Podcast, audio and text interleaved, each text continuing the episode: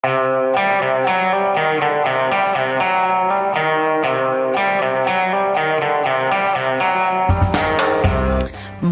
flommer over i Europa. Og kommer det virkelig til å bli OL-åpning i Japan på fredag? Dette er Gjever-gjengen. Jeg heter Hanne Skartveit. Her sitter jeg sammen med to eh, reiselystne karer. Leif Welhaven og Ole Kristian Strøm. Dere er begge på vei til eh, Tokyo. Du først, Ole Kristian, allerede nå til helgen. Og du en uke etter det, Leif. Yep. Blir det OL, eller Leif? Nå var det på Dagsrevyen i går at det kanskje må av, eh, avlyses. Altså, det blir OL. Eh, det er så mye penger og så mye prestisje involvert i dette, og prosessen har gått så langt at det er nesten ikke tenkelig med et, altså et scenario hvor de avlyser uh, i tolvte time. Det var vel noe med spørsmålsstillingen der som, um, som, gjorde at kanskje jeg tror sånn det etterlatte inntrykket var et litt annet enn en realitetene. Det kommer til å bli et OL, og det kommer til å bli et helt annerledes OL enn det vi noen gang har sett. Men Toyota for eksempel har jo da, vil ikke profilere selv om det er en av hovedsponsorene. Det er jo et veldig splittet Japan, i tillegg til alle smittevernsrestriksjonene. Det er veldig spesielle øh, omstendigheter, og det som er litt paradoksalt, er at i utgangspunktet så er hele kongstanken bak OL er liksom hvor samlende det skal være. Det forener øh, alle på tvers. Mens altså, du, nå har vi altså olympiske leker som til de grader splitter.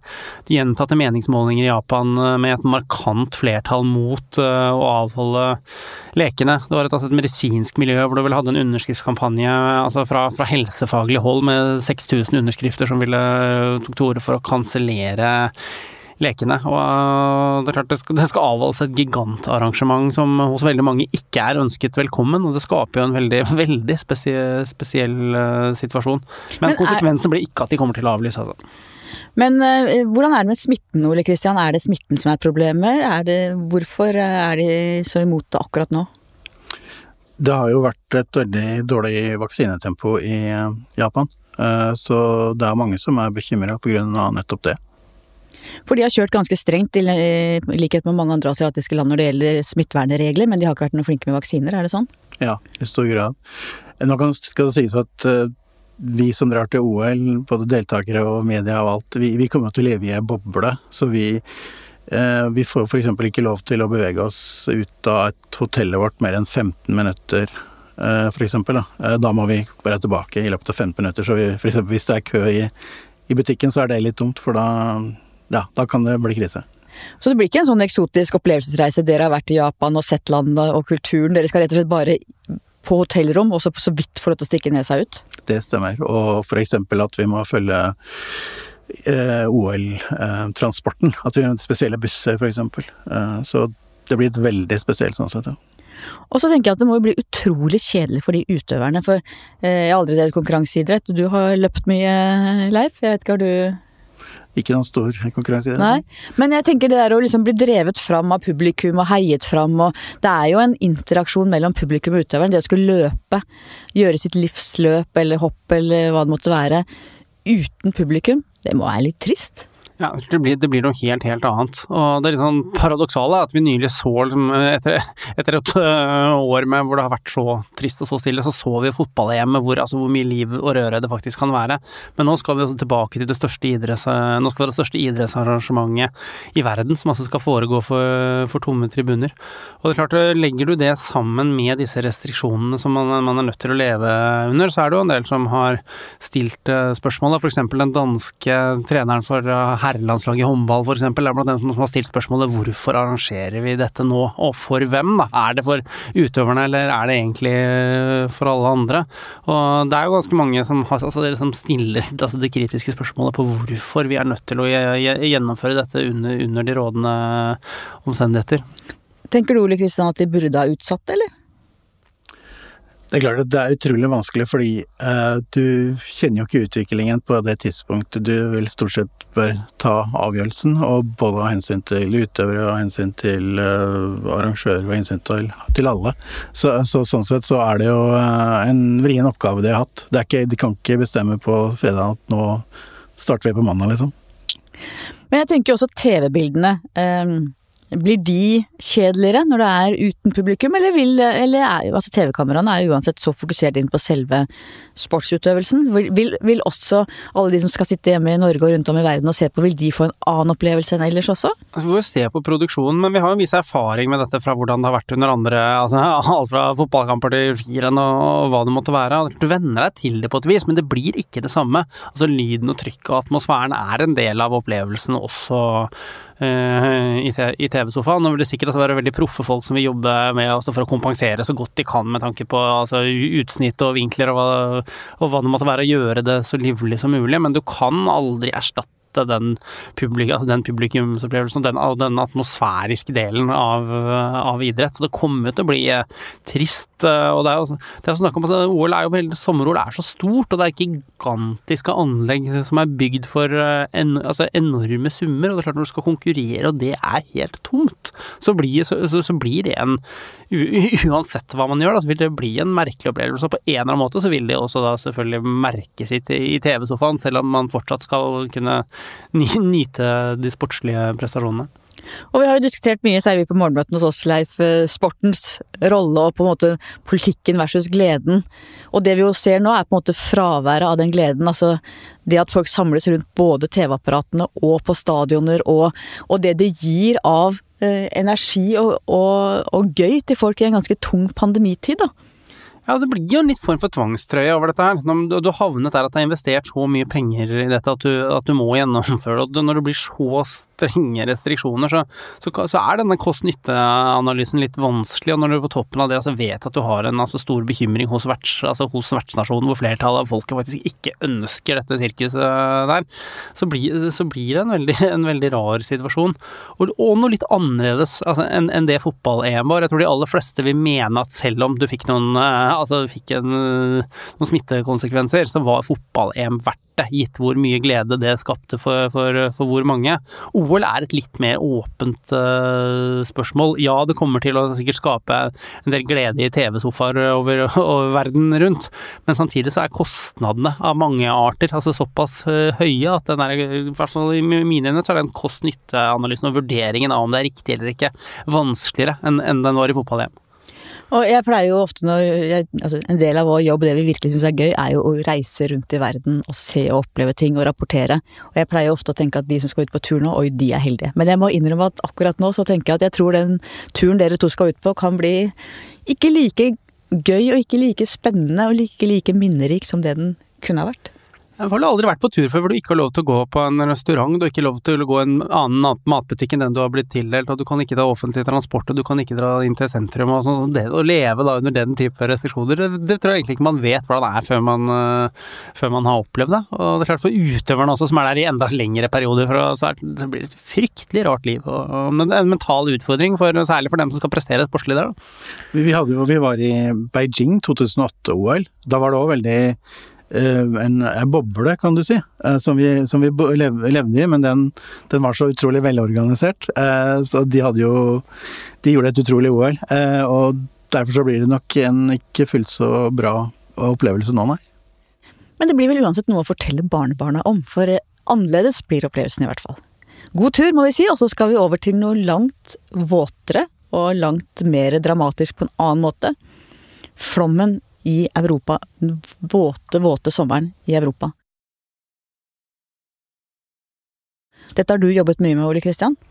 Ja, det har jo vært, eh, som vi har sett bilder fra, særlig fra Tyskland og Belgia nå, så har det jo vært helt eh, vanvittig store ødeleggelser. Eh, store vannmengder som har falt ned, som ikke det systemet vi har bygd, ikke har klart å, å takle. Og hele landsbyer har jo nærmest blitt sletta, og det er jo hundrevis av mennesker som, som er savna. Så det er veldig dramatisk. Ja, det er helt vanvittige bilder å se på. Helt uh, utrolig. Og går det an å si hva, hva kommer dette av, at det er blitt så mye akkurat nå? Det er jo veldig veldig store nedbørsmengder på veldig kort tid. Eh, det var jo um, Vi har jo i dag hørt fra Kina at det er nøyaktig det samme der. Eh, og vi hørte fra Japan for et par uker siden. Eh, så det, det er jo noe som ikke bare har skjedd i Europa. Men det, altså, det er jo da enorme vannmengder på kort tid som eh, systemene som, skal, som, skal, takle det, klarer ikke å fange opp, eh, om, fange opp vannet og, og, og, føre det videre. Ja, og jorda blir vel også metta av vann, sånn at det flyter der. Og så har du forklart meg at det er eh, rørene er for trange. Altså vi har Det bør flyte fritt. Du er litt for fri flyt, du.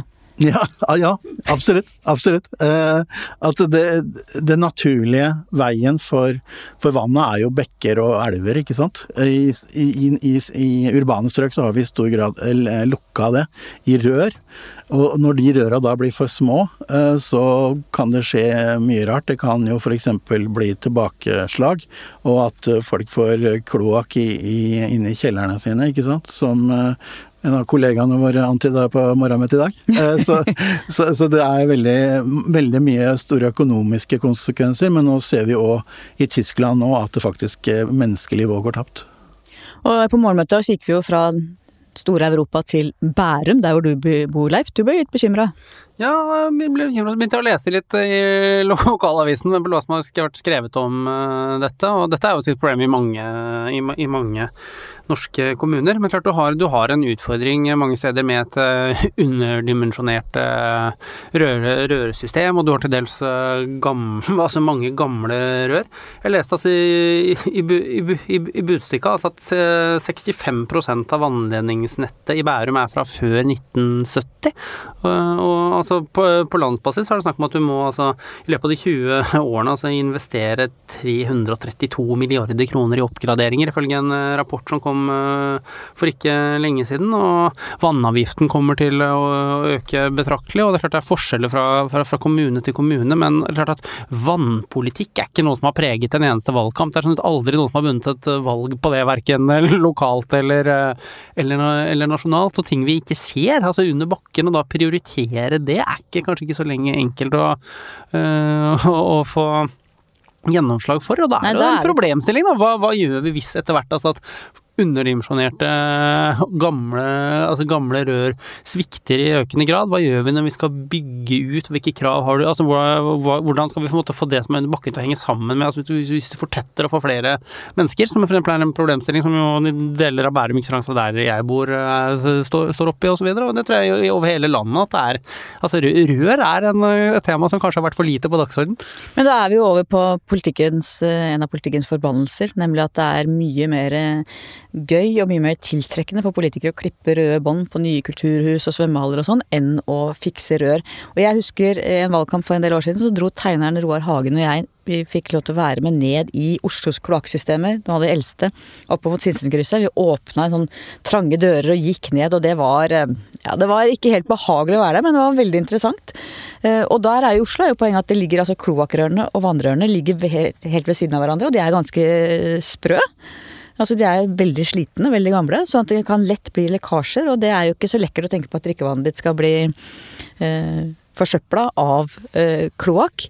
Eh, og du nevnte før vi gikk på lufta her, Ole Kristian, hvor lang tid det tar med dagens eh, tempo å eh, bytte ut og fikse alle rør i Norge. Ja, det er organisasjonen Norsk Vann er det vel som har regna ut at det vil ta 140 år. Eh, og det spesielle sant, med vann og kloakk er jo at der kjører vi jo selvkostprinsippet i Norge òg, som gjør at eh, det vil jo gå ut opp eh, Avgiftene på vann og kloakk vil jo øke for oss eh, vanlige forbrukere, ikke sant, hvis eh, vi bruker penger på det.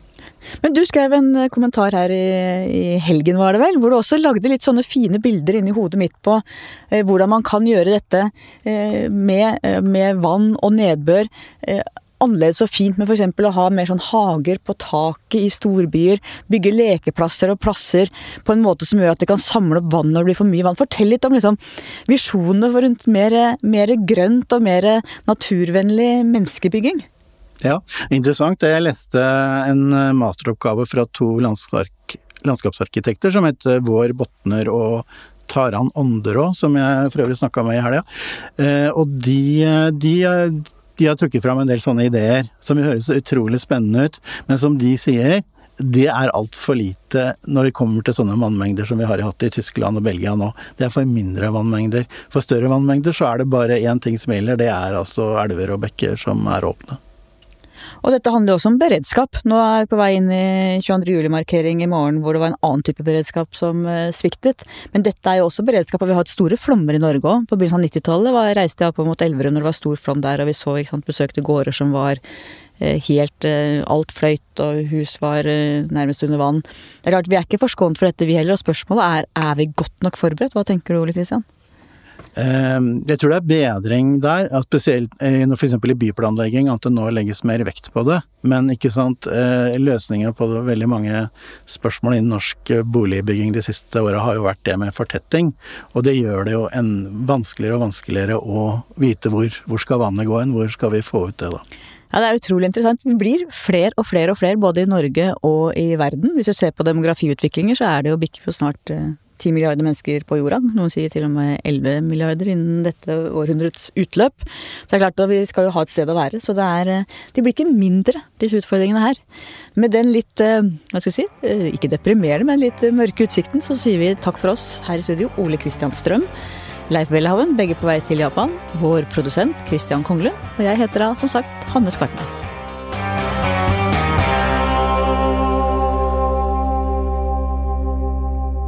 Du har hørt en podkast fra VG.